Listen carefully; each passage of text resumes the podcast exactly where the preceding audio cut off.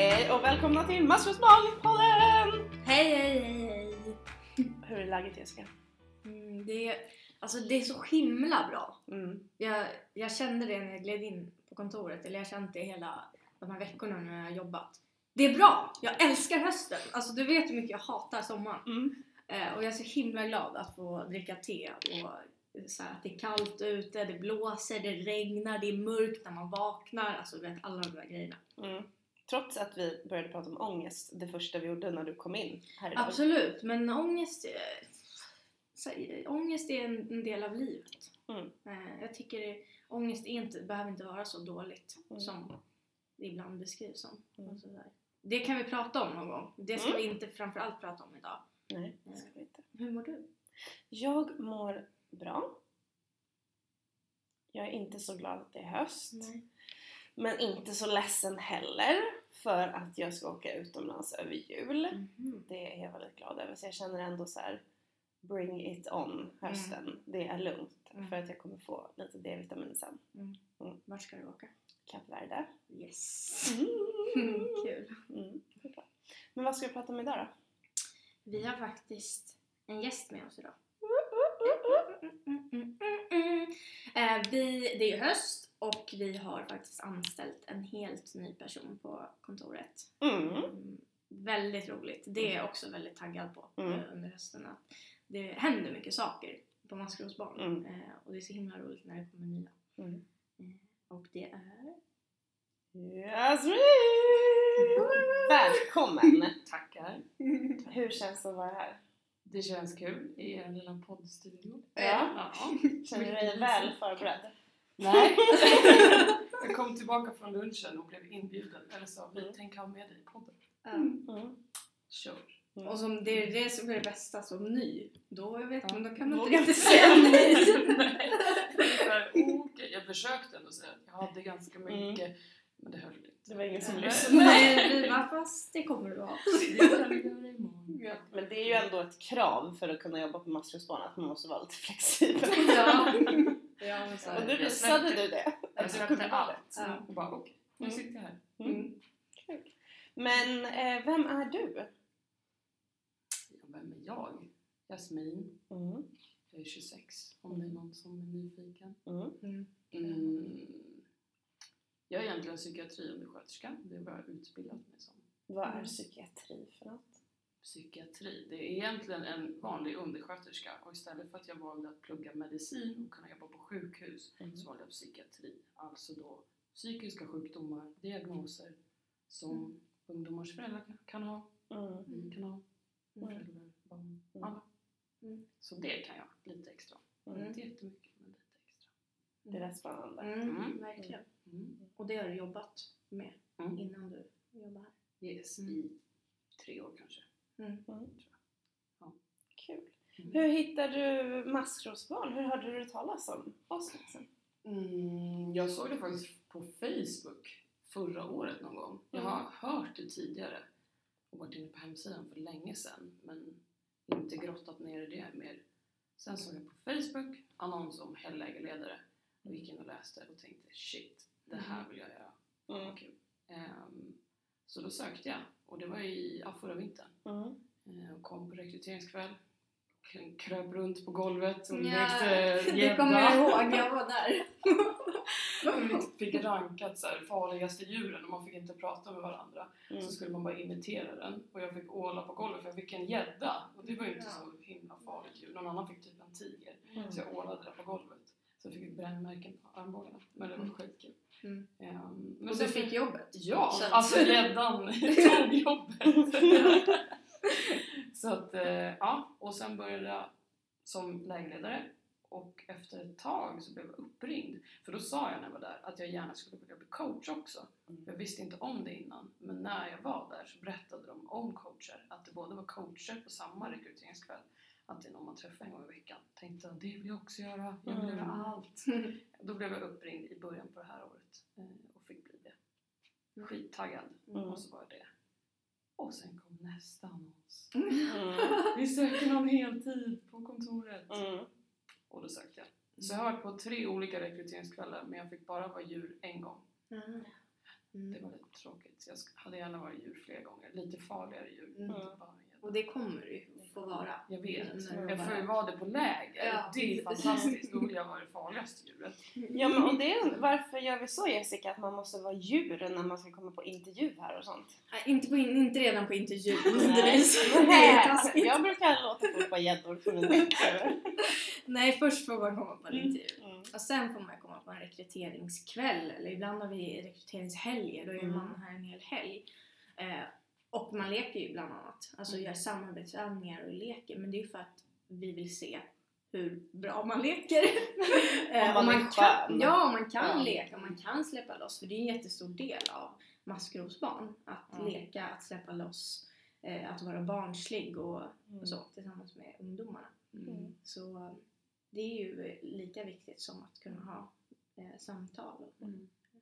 Ja, och jag tänker att vi får ju ofta den frågan av både liksom vuxna men av ungdomar också. Och kanske både som en fråga men också lite som en så här rädsla att, att folk tror att de aktiviteterna vi gör här är att vi liksom bara har stödgrupper Mm. och sitter i en ring och är ledsna och pratar om jobbiga saker. Men det är ju inte alls så vi jobbar. Vi Nej. pratar ju absolut om viktiga saker och ibland så blir man ledsen eh, men ofta är man glad när man Mm. är här och har kul. Mm. Och då är det ju viktigt att vi har folk som jobbar här som vet hur man har kul Ja. och är roliga. Ja, precis. Mm. Mm. Så är det ju. Och det var du.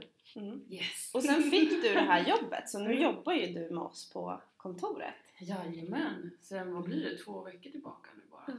Ja. Fresh, fresh, fresh! Yes. Vad, vad ska du göra här hos oss egentligen? Jag har ju fått den stora äran att göra lite allt möjligt. Mm. Men främst första kontakten både med befintliga och nya ungdomar. Mm. Ehm, Så allt ifrån att föreläsa, typ ute på ungdomsgårdar, skolor, även vuxna ibland, men främst ungdomar. Ehm, Sen kommer man med på alla torsdagsmys och Mm. planerar och gör roliga grejer. Ehm, Och all kontakt, första kontakten om man mejlar till oss eller skriver till oss eh, via hemsidan så kommer det till mig. Mm. Och ser man om vi kan bli till något stöd Mm. eller så. Ehm, Och sen är jag ansvarig för vår ungdomsledargrupp. Mm. Så ungdomsledarna och jag kilar stadigt och Mm. jag fixar schema och greja och dona eh, så de jobbar på torsdagarna Mm. och sen även när vi drar på fredagsmys i Malmö och Gävle. Och så. Mm. så jag gör lite allt möjligt. Sen blir det säkert inhopp, något blir inhopp, något Mm. lovläger. Mm. Ja, det blir ju Mm. hösten. Mm. Ehm, Så det är ju typ allt. Mm. Inte riktigt allt, men en stor del. Mm. Och det är skitkul. Mm. Få spreta runt och vara Mm. lite allt i allo.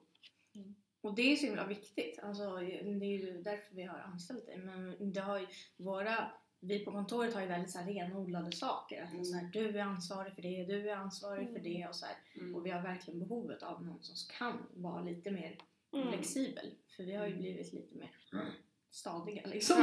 så vi behöver någon ostadig. Nej men någon som kan flytta Det kan runt jag vara. och hoppa in liksom. Ja. eh, Och sådär. Mm. Eh, så det kommer bli skitbra. Ja, Mm. verkligen. Trodde du att du skulle få jobbet?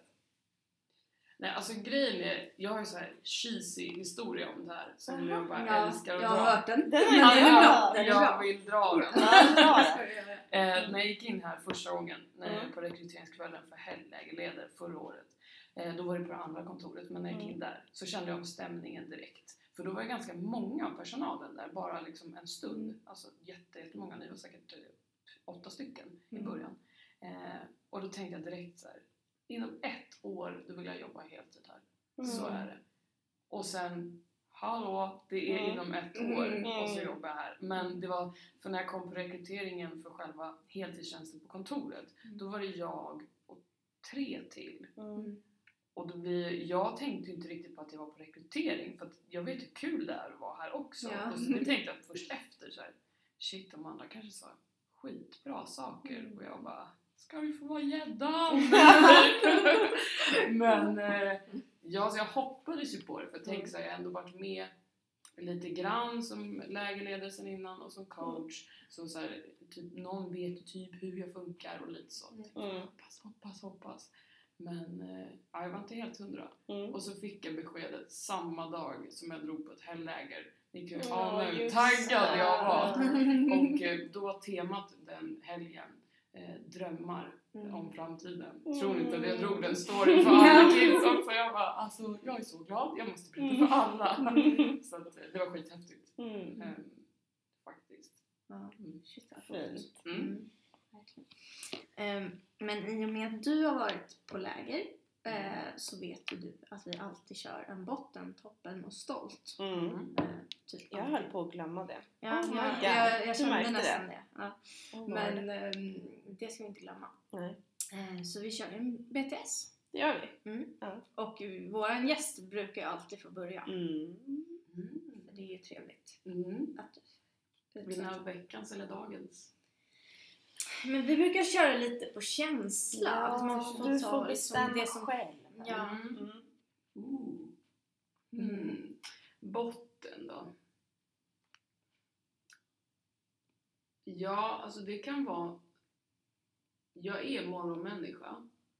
Men nu har jag jobbat så konstiga tider på mitt andra jobb, typ nätter. Så omställningen för att börja här på morgonen typ vid åtta Mm. och sen då sitta i bilkö eller i liksom rusningstrafik kommunalt. Det har varit ovant. Så jag har Mm. varit så trött. Förra veckan när jag kom hem, jag var så trött.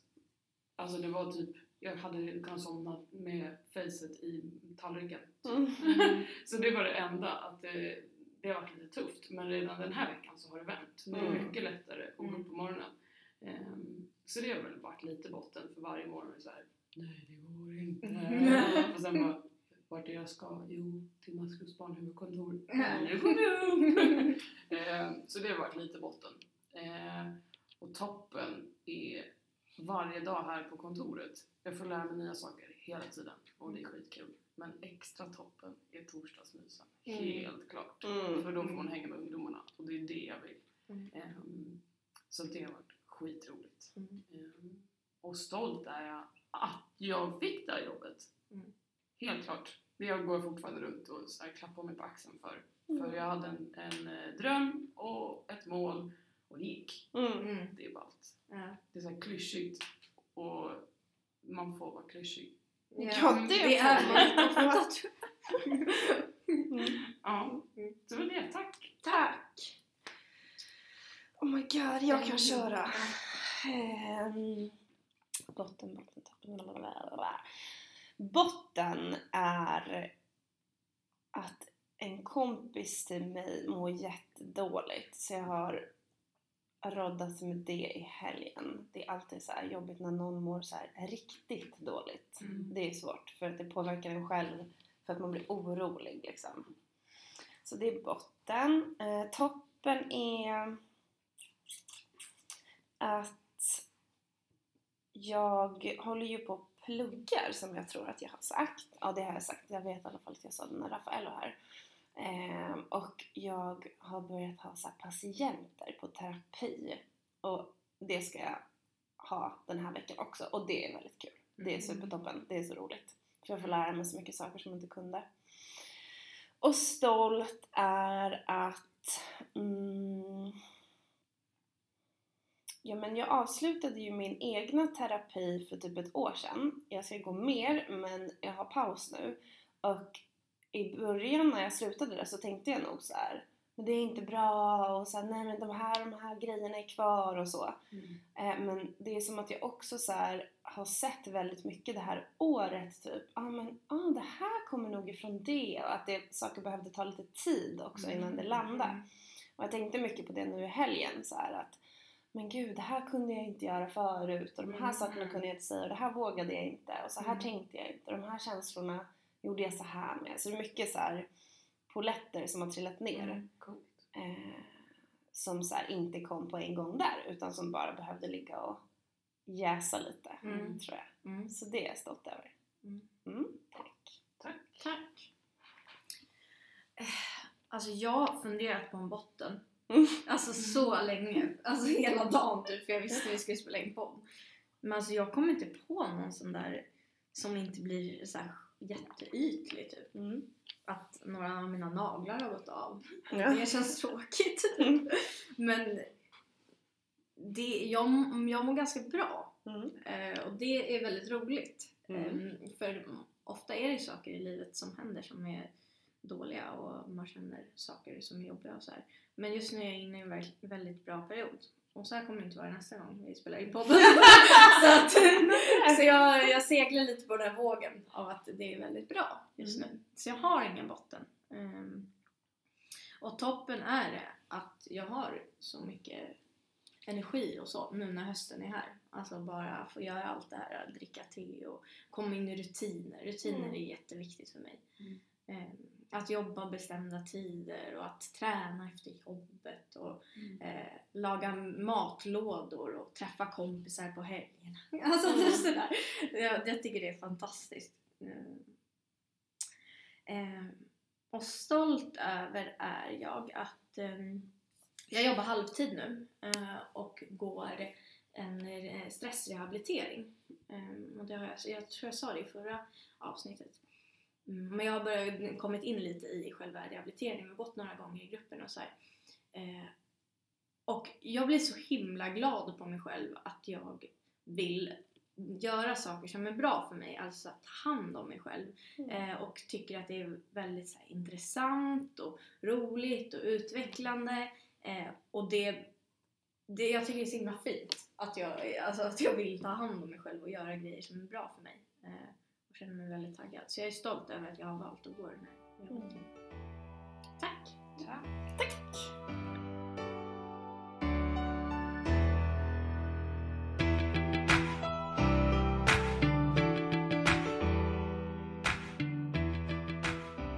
Nu så vill vi höra lite om dig Jasmin, vem du är och varför Är du är ett mask... Ja precis, vem du är. Men lite djupare vill vi nog gå. Nej men ni alla har ju hört alla de gånger vi har pratat med folk som jobbar på maskrosbarn att man måste ju vara ett maskrosbarn om Mm. man ska jobba med andra maskrosbarn. Mm. Mm. Så vi antar att du är det. Ja. Ja. Varför är du ett maskrosbarn? Jag är ett maskrosbarn för att jag växte upp med min pappa eh, som var alkoholist och narkotikamissbrukare. Även hans tjej, då min låtsasmamma, eh, psykiskt sjuk och även hon alkoholist. Mm. Eh, och sen så tog han livet av sig med eh, droger när jag var 15. Mm. Så därför är jag ett maskrosbarn. Mm. Bodde du med mamma eller pappa eller? Ja, alltså när jag var liten så bodde mamma och pappa tillsammans tills att jag var två år för då började pappa hålla på med droger och alkohol igen så då lämnade mamma honom. Ehm, Sen hade inte jag så bra kontakt med honom alls, jag bodde hos mamma. Ehm, Och jag hälsade på någon gång ibland bara och då var det alltid på så här, antingen på att han var på sjukhus eller på något behandlingshem som jag inte riktigt fattade då. Jag tyckte bara att det var väldigt konstigt att vara där.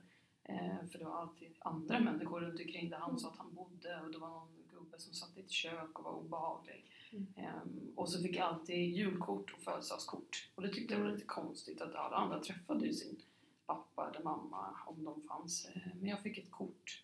Så att jag träffade honom någon enstaka gång ibland. Eh, och sen fick jag flytta dit för min mamma blev väldigt sjuk när jag var 11 eller 12. Så då fick jag flytta dit till en främling typ. Jag visste inte ens var Mm. min pappa bodde just då. Eh, utan hon kunde inte ta hand om mig för hon blev jättesjuk och fick flytta till sin tjejkompis för att få Mm. hjälp. Eh, och jag fick inte plats där plus att det var långt bort från min skola. Så det skulle Mm. bli väldigt bökigt. Ehm, så då fick jag flytta dit och då var jag tillsammans med min då ja, låtsasmamma, eller jag säger Mm. pappas tjej. Mm. Ehm, och bodde där eh, i typ två, tre år. Förstod du att din pappa var sjuk? Alltså under den här tiden du hade hälsat på honom, så här, förstod du vad det var som var fel? Var det uttalat liksom? Alltså, när jag gick i sex års, eh, då fick jag börja gå i någon form av stödgrupp. Jag fattade inte vad det var då. Jag trodde det var så här extra fritids typ. För jag fick komma till en vit villa, kommer jag ihåg, med nu typ fem andra ungar. Fick vi alltid så här hembakta bullar och saft och så här stenciler som vi fick sitta och fylla i. Och då kommer jag ihåg en bild som var på en så här full gubbe. Eller jag fick känslan av, och så sa de säkert att han var onykter för det var så en bild på typ en vinflaska. Så skulle man prata om så här, hur känns det? Och det tyckte jag var konstigt. Eh, och jag och mamma pratade inte alls så mycket. Eh, hon var ensamstående så hon var inte hemma så mycket heller. Jag tog mest hand om mig själv. Eh, och en väldigt stark kvinna med mycket pondus och man pratar inte riktigt känslor och Mm. sånt. Så jag minns inte om hon sa, typ när vi var och hälsade på på sjukhus eller något, att pappa var alkoholist utan snarare, ja han var sjuk men inte mer än så. Jag tror inte att jag frågade så mycket så jag fattade inte riktigt det, eh, vad det var. Och inte förrän jag flyttade dit eh, som jag började fatta att det är någonting som är fel. Mm. Hur var det så här när du flyttade dit? Kommer du ihåg mycket av liksom, första, första tiden till exempel? Mm. Alltså jag kommer jätteväl ihåg, just då bodde de i en tvåa. Så det fanns inte mycket plats för mig. Så när jag kom dit så var det liksom bredvid deras stora säng så var det en liten tältsäng och en tom liten bokhylla. Där skulle jag sova. Och allt kändes så obekvämt och främmande. Det var så här, visst, jag visste vem min pappa var men jag kände ingen direkt trygghet med honom. Jag hade ingen direkt relation. Och hans tjej tyckte jag var jätteobehaglig och det märktes på henne att hon ville inte ha mig där. Hon var liksom inte alls glad på läget. Ehm, och, ja, men allt kändes konstigt och så här, skulle jag, jag kunde inte sova någonting den natten. Jag tror jag sov rätt dåligt första tiden överlag. Ehm, för det, var så här, det var konstiga möbler och det luktade konstigt hemma hos mamma. Jag var allt så här kritvitt, fläckfritt, väldigt pedantisk. Och så kom jag dit där var så här, såg ut som en gammal tant hade bott där. Och så här, antik soffa. De hade fått grejer av någon som hade gått bort. Och Mm. allt kändes skitkonstigt där. Det var skitigt och konstigt. eh. Så jag var väldigt, väldigt obekväm vet jag och typ trippade på tårna för jag visste inte. Det är någonting konstigt. Mm. Hur var din pappa när han var så påverkad? Ja, alltså han... Det var på ganska olika sätt. Oftast i början så var han bara jäkligt glad och rolig. Jag kunde typ få klä ut honom till tjej och sminka honom. Och då, de stunderna när han var liksom lite halv och nykter, då var det jäkligt roligt. Vi typ Mm. sjöng och dansade och grejade och dona. Ehm, och då tänkte jag inte så mycket på det. Ehm, men sen ju mer alkohol han drack och sen efter har jag förstått hur, många, alltså hur mycket olika droger han har tagit så kunde det gå allt från att han blev väldigt, väldigt arg till att han liksom bara låg och grät eller att han stack hemifrån. Och, så det var väldigt oberäkneligt jämt hur Mm. han skulle bli. Och ju senare på kvällen det blev, desto mer bråkigt blev det. Både gentemot mig och de tillsammans, eh, pappas tjej och, och honom. Mm. Det var alltid någonting de bråkade över. Liksom. Kunde du skilja på typ, när han hade druckit och när han hade tagit droger? Visste du vad som var vad liksom? Ja, ibland. För att, eh, det var som att jag kände igen min pappa eh, när han bara hade druckit. För då var han på, oftast på ett visst sätt. Liksom. Han var jäkligt glad i början tills att han dippade och, och liksom blev lite bitter och kanske arg. Men om han hade tagit någonting då var det som att han, hans blick var annorlunda. Som att han tittade på mig och inte såg vem jag var. Och jag kände att jag inte kände igen honom och då var han jätteobehaglig. Jag minns en gång när jag kom hem och jag såg att allting var släckt på kvällen men hade lös i köket eh, för att kylskåp, kylskåpsdörren var öppen. Då har han somnat ståendes in i Mm. kylskåpet på något konstigt vänster. Eh, och redan då fick jag så här klump i magen och bara det här känns skitobehagligt så jag skakade lite på honom och bara Hörru farsan, ska du inte gå och lägga dig? Och då ställde han sig upp och liksom tittade på mig och då var det första gången jag blev riktigt rädd för honom för då kände inte jag igen honom alls och jag tror inte han såg vem jag var.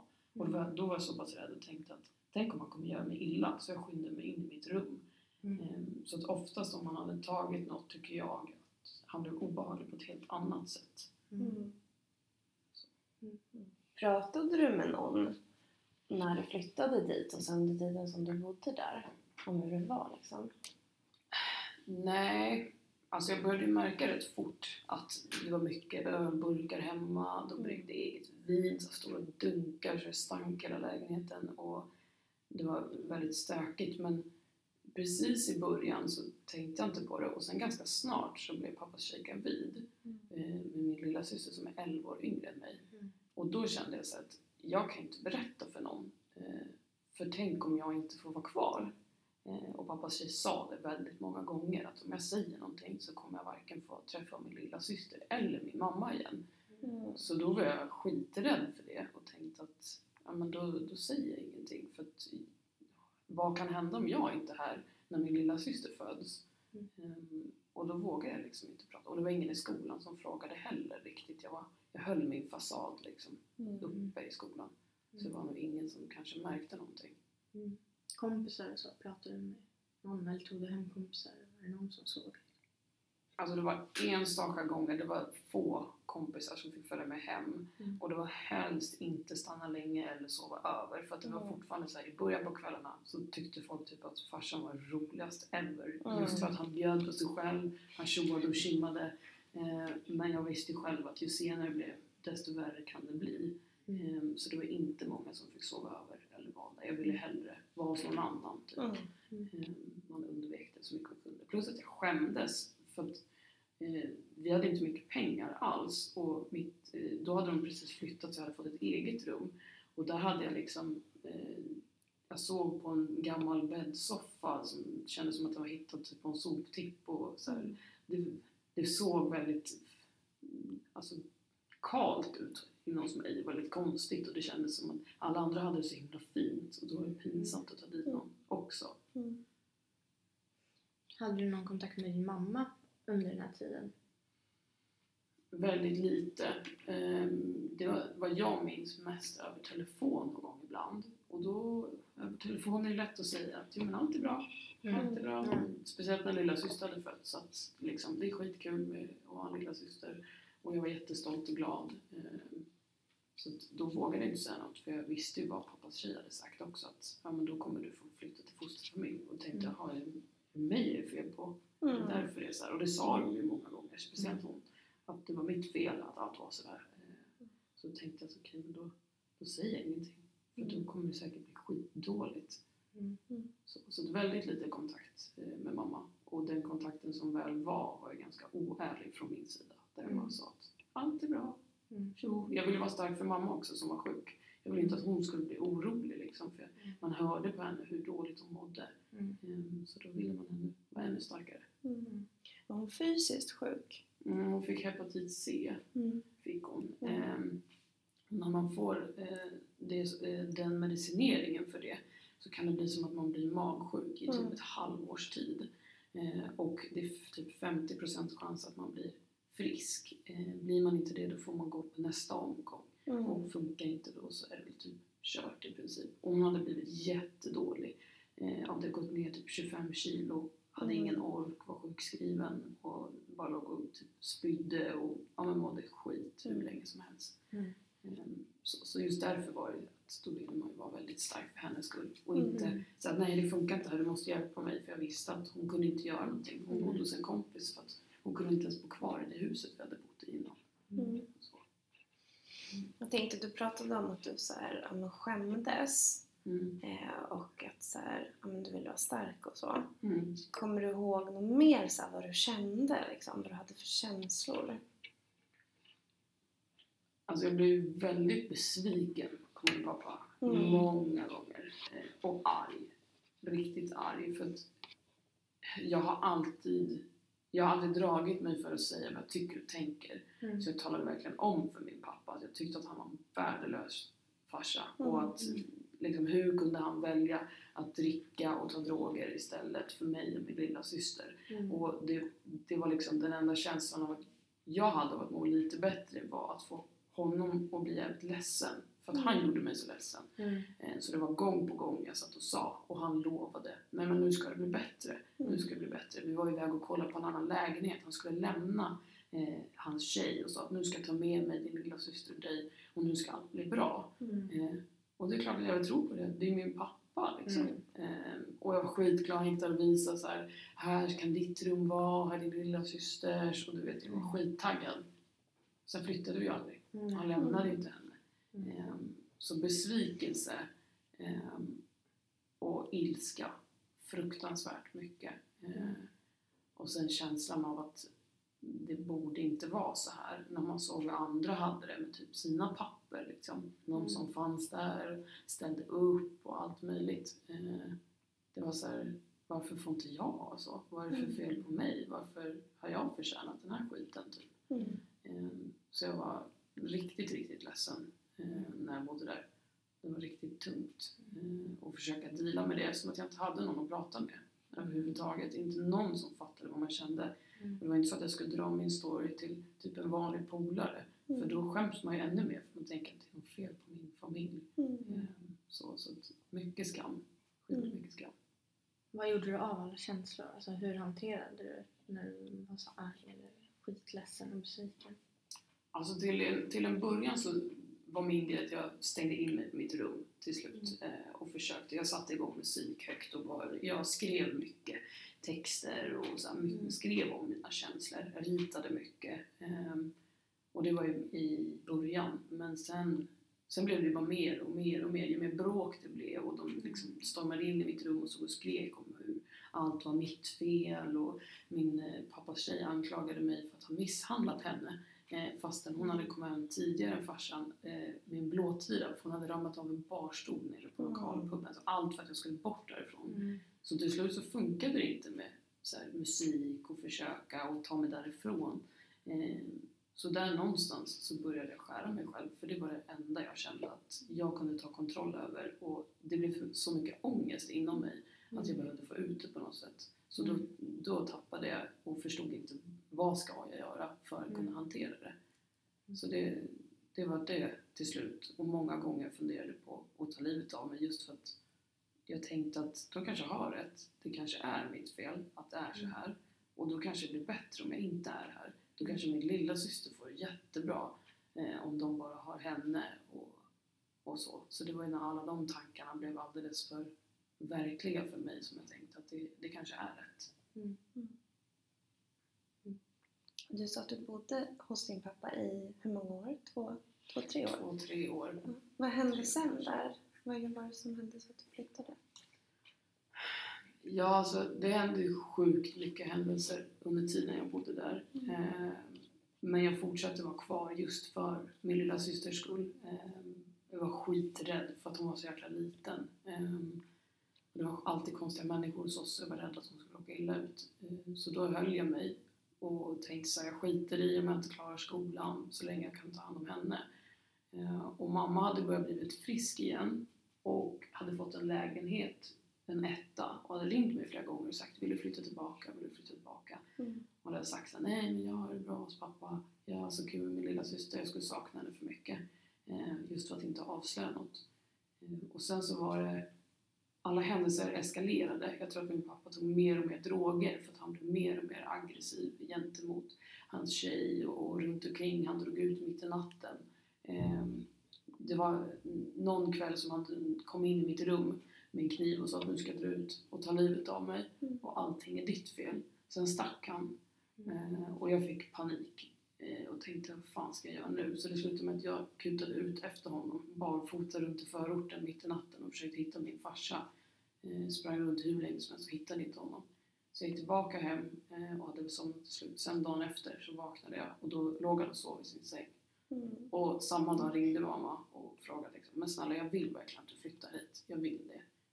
Och det var då, då hade jag fått nog. Det gick inte längre. Och då brast allt och då berättade jag för mamma. Mm. Sa inte hur pass allvarligt det var utan mest så här att det är kaos. Pappans tjej dricker skitmycket. De bråkar jämt. Det är konstiga människor här. Men jag har inte vågat säga något för jag är skiträdd för min lilla syster. För eh, pappas tjej säger att jag inte kommer få träffa henne mer och inte få träffa dig. Då tänkte jag så här, det får bära eller brista, Mm. nu säger jag Mm. allt. Mm. Ehm, och då var det så här, min mamma sa åt mig, du packar dina grejer, jag kommer hämta dig om ett tag. Mm. Ehm, så då drog jag därifrån innan de kom hem från jobbet och så gjorde min mamma en SOS-anmälan Mm. åt min lilla syster. Mm. Ehm, så för att just under den perioden så hade det som sagt eskalerat. Polisen har varit hemma hos oss flera gånger. Så pappa hade försökt strypa grannen och det hade blivit mer och mer och mer. Typ.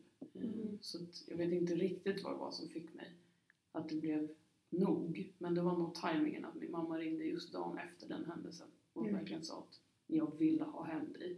Mm. Ehm, Så blev det då att jag Mm. flyttade. Hur gammal var du när du flyttade tillbaka till din mamma? Mm. Det var, då var jag 14. Eh, skulle fylla 15 den sommaren. Mm. Eh, var det? Ja, 2004. Mm. Tänkte, vi brukar ju prata så på maskrosbarn om att man får liksom konsekvenser Mm. av sin uppväxt. Och, och med det så, jag har ju pratat om det någon gång, men med det så menar vi ju att så här, ja men att det vore konstigt om man bara liksom var om man bara hanterade allting toppen och man brydde sig inte och sådär. Utan man hittar ju olika sätt och gör ju olika saker liksom. Och Mm. du nämnde ju lite om ditt självskadebeteende. Mm.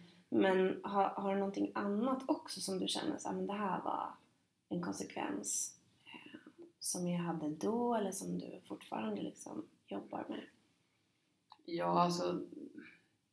Jag flyttade ju som sagt därifrån i början på 2004 och Mm. typ ett halvår efter eh, så hade min pappa tagit en heroinöverdos. Mm. Eh, och samtidigt som jag kände en lättnad över att jag inte behövde skämmas mer så kände att det var den största förlusten i livet. Mm. Ehm, och jag valde att så här, försöka skjuta undan det helt. Mm. Jag ville bara förneka det. Jag kunde inte fatta. Jag fick för mig att pappa skulle komma snart.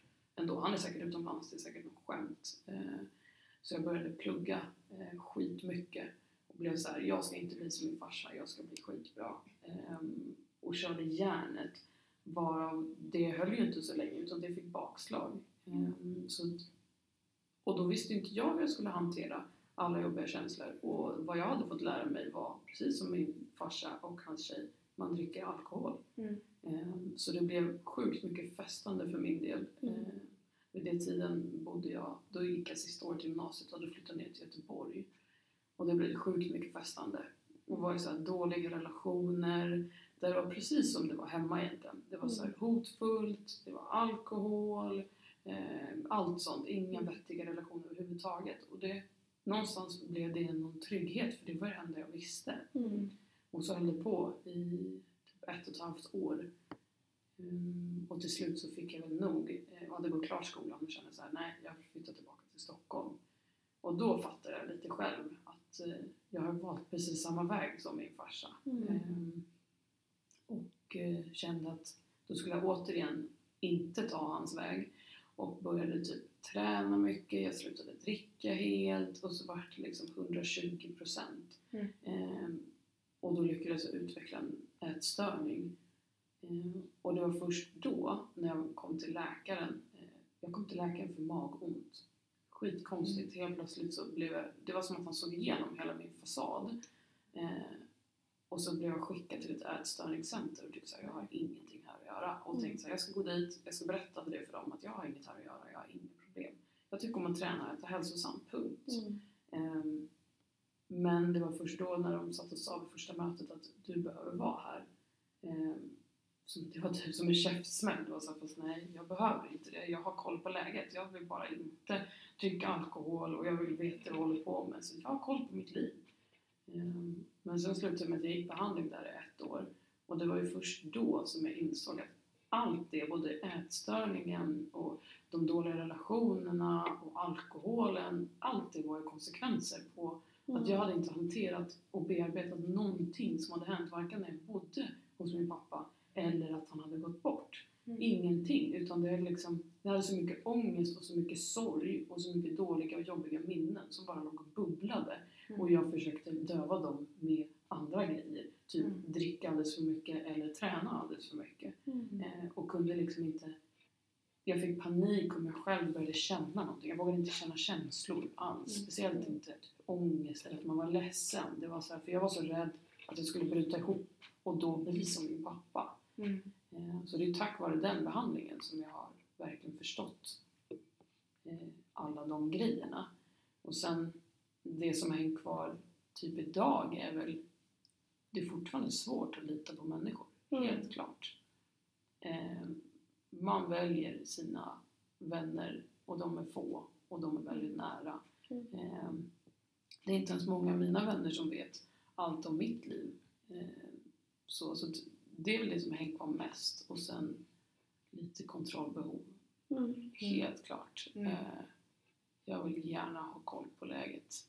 Eh, och det är just för att man, tilliten är att man har blivit så himla sviken av någon man så här, Mm. verkligen inte borde bli sviken av, sin förälder. Mm. Någon som borde hålla sitt ord. Eh, och sen kontrollbehovet. Eh, man har haft noll kontroll Mm. ett Mm. bra tag liksom, av allt som hände. Eh, till att det blev överdriven kontroll efter. Till att det nu är så här, Mm. man jobbar på det och man kommer på sig själv ibland så här, Mm. nej Jasmin det, du behöver inte, det går bra. Eh, Mm. Så sådana grejer hänger ju kvar. Mm. Men det är ändå någonting som man jobbar med hela tiden och jag tror man kommer jobba med livet ut. Man har inte Mm. samma utgångspunkt som många andra har. Mm. Eh, Så att man är väl lite skeptisk till folk. Men Mm. inte alls på samma sätt som förr. Och Mm. det är jäkligt skönt att man känner att det blir faktiskt skillnad. Mm. Och det. Vad gör du så här, eh, för du sa ju att förut med dina känslor Mm. så liksom tryckte du undan dem eller så drack du för att hantera dem eller Mm. kontrollera maten eller så. Mm. Vad gör du idag då om du får jobbiga känslor istället för alla de där grejerna? Alltså det, det har hänt någonting. Jag har varit så här, jag har aldrig gråtit förr. Ever, ever. Det har varit så här tabu. För det för mig har varit ett tecken på svaghet. Nu har jag skitlätt för att gråta. Det är så här, jag har verkligen jobbat med, jag ska låta mig själv känna. Mm. Alltså jag blir, jag vet inte om jag börjar bli gammal eller vad är grejen eller om det är såhär Gammal. kvitto. Ja, eller hur? Ja. Eh, nej men det känns, för jag har jobbat jättemycket med mig själv, så här, just att våga känna. För jag vet själv att jag har haft den här muren omkring mig. Mm. Jag har skyddat med järnet, liksom, mitt sätt att stå. Men då har jag liksom insett att jag kommer palla, jag är stark i mig själv och det är inte Mm. en svaghet att gråta. Mm. Eh, Så en sån grej att där och då våga känna och våga ut. Jag har fortfarande svårt att uttrycka mig när jag blir, ledsen. Eh, Men jobbar på det och liksom blir förvånad själv och bara varför gråter jag Mm. typ. Ehm, Men det, det har ju tagit tid. Eh, Men hellre det, men fortfarande en grej som hänger kvar även sedan jag var liten, det är fortfarande att måla och rita Mm. och skriva texter. Mm. Det, är så här, det är min egen stund för att så här, verkligen bearbeta saker och ting och sätta ord på känslor. ehm, Eller om det blir i tavlor. Mm. Eh, och få utlopp för det på något sätt. Och, och mycket prata Mm. eh, med någon nära. Det som jag så, här, så emot förut. Så här. Prata. Det blir inte bättre bara för att jag pratar. Mm. Men det blir det. Mm. Det är så här, det var jättefel. Mm. Tonårs Jasmin. Mm. Bara, ja. Så att eh, det har blivit sjuk skillnad. Mm. Jag hoppas att det inte bara är åldern. Nej. Mm. Mm. Vad har du för relation till din mamma idag? Den är bättre. Senare åren eh, har blivit bättre. Men fortfarande så där man pratar inte så jättemycket om jobbiga saker och känslor och sånt. Ehm, jag vet inte, det är väl just för att vi inte har haft den relationen så är det väldigt svårt att försöka skapa den. Mm. Men vi har ändå på något sätt fått någon djupare relation. Jag kan ringa henne och hon kan ringa mig. Men det är fortfarande så här. Jaha, vad vill du? Det är konstigt när mamma ringer och bara vill småprata lite för att hon Mm. brukar alltid vilja någonting. Mm. Och så ibland ringer hon nu och bara nej men jag vill bara kolla läget och va? Mm. Jaha, Mm. what's the catch? Mm. Misstänksam. Ja, då bara, då bara nej ingenting, jag bara kolla läget så här, jaha. Ja, men trevligt. Mm, vi hörs. Ha det bra. Mm.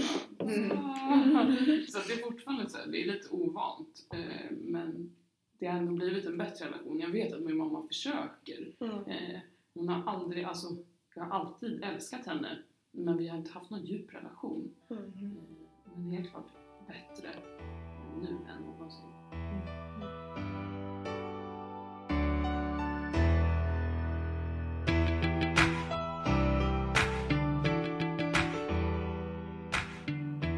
Vad tror du att så här, tonårs-Jasmin skulle säga om den personen du är idag, Jasmin? Vad tror du att hon skulle tycka om dig?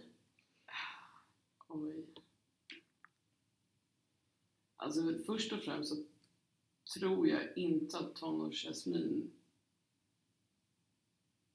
alltså någonsin skulle kunna tänka sig att vuxen Jasmin skulle vara rätt klok och stabil. Mm. jag tror att just för att när jag var tonåring så var jag så rädd att bli som min farsa. Jag tänkte så här, men om Mm. han är så så kommer det gå åt helvete för mig. Eh, för att jag är inte stabil och det kommer inte gå och hej och, och så bara har det löst sig och Mm. blivit rätt Mm. bra. Så jag tror att tonårs Jasmin har blivit rätt impad av Mm. vuxen Mm. Jasmin. Eh, helt klart. Eh, men så hade hon säkert såhär töntig som gråter. Men jag kan inte hjälpa det. så att, eh, ja men det tror jag. För just då, man fick inte visa känslor. Mm. Tonårs Jasmin blev till och med nervös typ när någon annan grät. Mm. Just för att det var såhär, nej nu går jag. Det går inte. Mm. Mm. Och det var ju bara rädslan för att man själv skulle bryta ihop för att man visste att man bar ju på skitmycket grejer. Mm. Men man bara, I got this, inga problem. Mm. Jag är inte ledsen. Nej, jag skulle aldrig vara ledsen. För blir man ledsen då går man under. Mm. Typ så. Ehm, så det tror jag. Men jag tror att tonårs Jasmin har varit lite impad. Mm. Helt klart. Det är bra. Det är en rolig fråga tycker jag. Ja, jag det tycker jag också. har tänkt Mm. på det där en del och bara tycker det är så svårt att veta. Ja.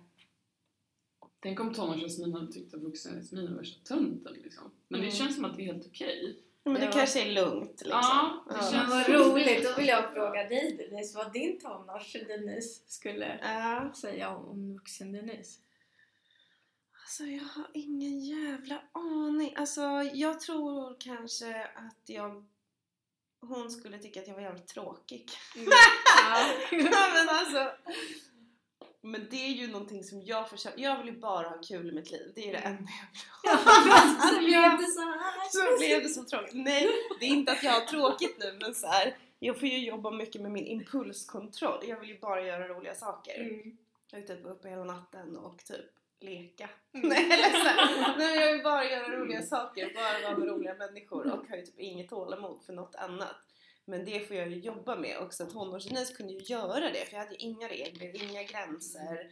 Alltså jag skötte ju mig själv så då Mm. kunde jag ju göra allt det där. Ehm, så jag, jag tror på något sätt att såhär, åh man är så jävla tråkig. Ehm, men så, ja. Alltså det är skitsvårt. Alltså jag tror att jag, när jag var tonåring, alltså jag hade ingen koll på någonting. Jag, jag vet att jag tänkte och reflekterade jättemycket men på ett sätt hade jag ändå ingen koll på Mm. mig själv. Ja. Så jag tror att, så här, att titta på typ den jag är idag hade bara varit så här förvirrande också för att jag Mm. hade inte typ kontakt med Nej. saker. Så att jag skulle väl kanske inte lägga så jättestor värdering Nej. i det. Mm. Så. Mm. Jag vet inte, vad tror du om dig då Jessica? Alltså jag tror att jag hade nog asgarvat åt mig själv. Alltså så jävla grovt. Eh, jag skrattade mycket när jag var tonåring. Ja. Ehm, och alltså jag hade, bara, jag hade bara tyckt att det var så jävla komiskt att det blev så här bra. Alltså, att, att jag, så här, att jag slutade dricka, att jag slutade röka, att jag gjorde slut med kompisar som var dåliga för mig, att jag började träna. Alltså du vet, så jag Ja. hatade så här, all idrott. Jag hade ju så här, underkänt all idrott och så här, nu gillar jag så här, jag springer lopp och det, eh, så jag hade ju bara asgarvat och trott att jag var ett jävla skämt. att det där är inte på riktigt. Det där är inte jag. Nej, jag har alltså, hittat det- någon annan Ja men det är så. Det är en Ja. helt annan människa. Samtidigt som eh, jag, ibland känns det så himla långt borta, tonårstiden. Mm. Och ibland känns det som att det var igår eller Mm. idag. Att man Mm. är så nära, kan komma så nära de känslorna och minnena som man hade då. Verkligen. Ja. Mm. Ja, det är inte det är en väldigt spännande. Nej, Nej, det det är kul att tänka på. Men det är kul att temat är lite så här, fan vilken töntig, tråkig, konstig jävel. ja. ja. Har du någonting som du skulle vilja hälsa till alla ungdomar som lyssnar på det här? Eller säga? Ja, jag tänker inte dra något så här klyschigt, det blir bättre. För att det är så här, när jag kommer ihåg att någon sa det till mig, det var så här, alltså stick. Mm. Bara, men nej, man får Mm. inte säga så för att det är bara drygt. Mm. Även fast människan kanske har rätt. Eh, Mm. Oavsett om den har varit med om något liknande eller inte så är det fortfarande så här sjukt långt bort att ta, ta på. Mm. Så, men nu då?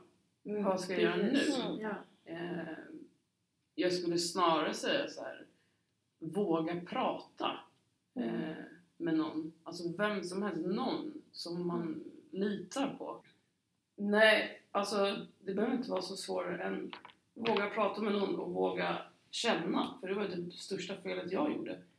I att så här, stänga av mig helt. Eh, och fattade inte När folk sa typ att ja, men det kommer komma ikapp dig, måste prata om saker och bearbeta. För mig var det så vadå komma ikapp mig? Jag fixar det ändå, jag klarar mig liksom. Ehm, Men det har man ju fått uppleva nu, att det kommer ikapp en till slut. Mm. Ehm, Så just att våga prata och våga känna är sjukt viktigt. Det är okej att vara ledsen, det är okej att vara arg. Det vore konstigt om man inte var det. Mm. Tror du att det hade gjort skillnad för dig om du liksom hade ja, släppt på det där mer? Ja, det tror jag absolut. Just att alltså, kunna bearbeta saker successivt när det hände. Mm. Mer än att det liksom blev som en käftsmäll sen och man fick jobba igenom allt. För det blir betydligt tyngre.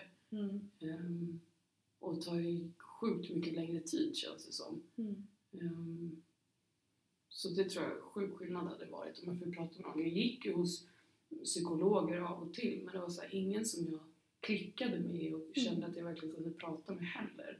Och jag fattade inte att jag hade rätt att typ byta till någon annan eller att jag kunde vända mig någon annanstans. Mm. Det har man ingen aning om. Ehm, så jag tror att det var sjuk skillnad, Mm. helt klart.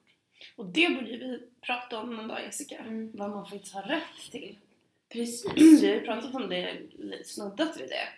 Men det, där har du ju en poäng också. Att så här, Mm. eh, det finns ju massor av saker som man får Mm. och som man har rätt till som man kanske inte vet. Som inte jag visste. Precis, Mm. skitviktigt. Och Mm. det har vi ju flera som jobbar här på Maskrosbarn som är experter på just rättigheter. Precis. Mycket Så det ska vi verkligen göra. Bra Jasmin. bra. Jasmin. Vi avslutar med de orden. Schysst. Tack snälla för att du är här. Tack själva. Eh, Eller för att du var här. Du är ju här fortfarande. Ja, du kom och gästade vår podd trots Ja. ditt kontrollbehov. Ja. Jag är flexibel. Ja, just det. Flexibel. eh, jättefint och vi är aspepp på, på att få jobba med dig nu. Mm. Nice. Mm. Inte innan, nu.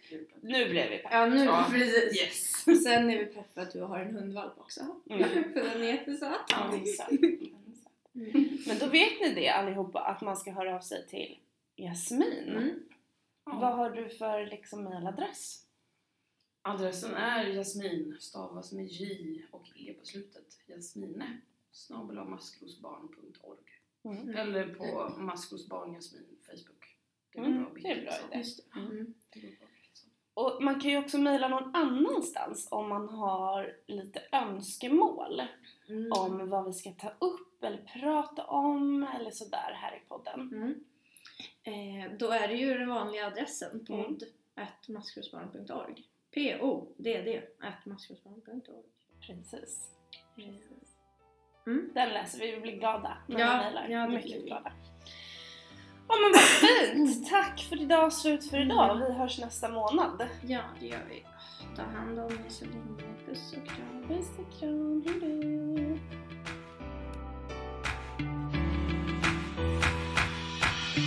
Du kan klättra så högt som du vill det är ditt liv, ingen annan säger till. Sikta mot toppen, dit du vill nå. Fortsätt att kämpa, du vet att det går. Du kan klättra så högt som du vill. Det är ditt liv, ingen annan säger till. Sikta mot toppen, dit du vill nå. Fortsätt att kämpa, du vet att det går. Det finns så mycket skit som händer hela tiden. Men vi är skapta för att överleva livet. En svår uppväxt med rädsla och hat. Men vi var för små för att kunna slå tillbaks. Gått igenom smärta och tårar dag för dag. Men vi lever än idag för vi är maskrosbarn Vi kämpar för att kunna ta oss vidare. Vi är starka, tillsammans är vi krigare. Vi borde inte skämmas, vi ska vara stolta. För det finns folk som inte fattar hur vi orkar ska kämpa, vi ska klara. För maskrosbarn är vi födda till att vara. Ett maskrosbarn slutar aldrig kämpa. De försöker fast de kan få vänta. För det är det som gör oss starka och unika. Enskilda individer olika men ändå lika. Du kan klättra så högt som du vill. Det är ditt liv, ingen annan säger till. Sikta mot toppen, dit du vill nå. Fortsätt att kämpa, du vet att det går. Du kan klättra så högt som du vill. Det är ditt liv, ingen annan säger till. Sikta mot toppen, dit du vill nå. Fortsätt att kämpa, du vet att det går. Jag vet att det känns tufft, försök att blicka fram. Finns ju för att kunna ta hand om varann. Känner liknande känslor om hur kärlek blev hat. När dagarna blev tunga bestod av skrik och prat. Om det är en tröst har vi gått i samma spår. Även som det känns som ingen annan förstår Måste vrida in och ut på det som är ditt liv. Tänka efter vad du vill så du i hjärtat känner frid. Skapa dig en framtid, du är värd att må bra. Kolla på Therese och vad hon blivit idag. Hon har varit som du, legat i botten på ett hav Men kämpade sig upp och skapade maskrosbarn Hennes ord är så sanna, precis som hon sa. Även om man mått väldigt dåligt kan man må väldigt bra. Vi vet att du klarar, vi vet att du kan. Det är aldrig för sent, bara greppa någons hand. Du kan klättra så högt som du vill. Det är ditt liv, ingen annan säger till. Sikta mot toppen, dit du vill nå. Fortsätt att kämpa, du vet att det går. Du kan klättra så högt som du vill. Det är ditt liv, ingen annan säger till. Sikta mot toppen, dit du vill nå. Fortsätt att kämpa, du vet att det går.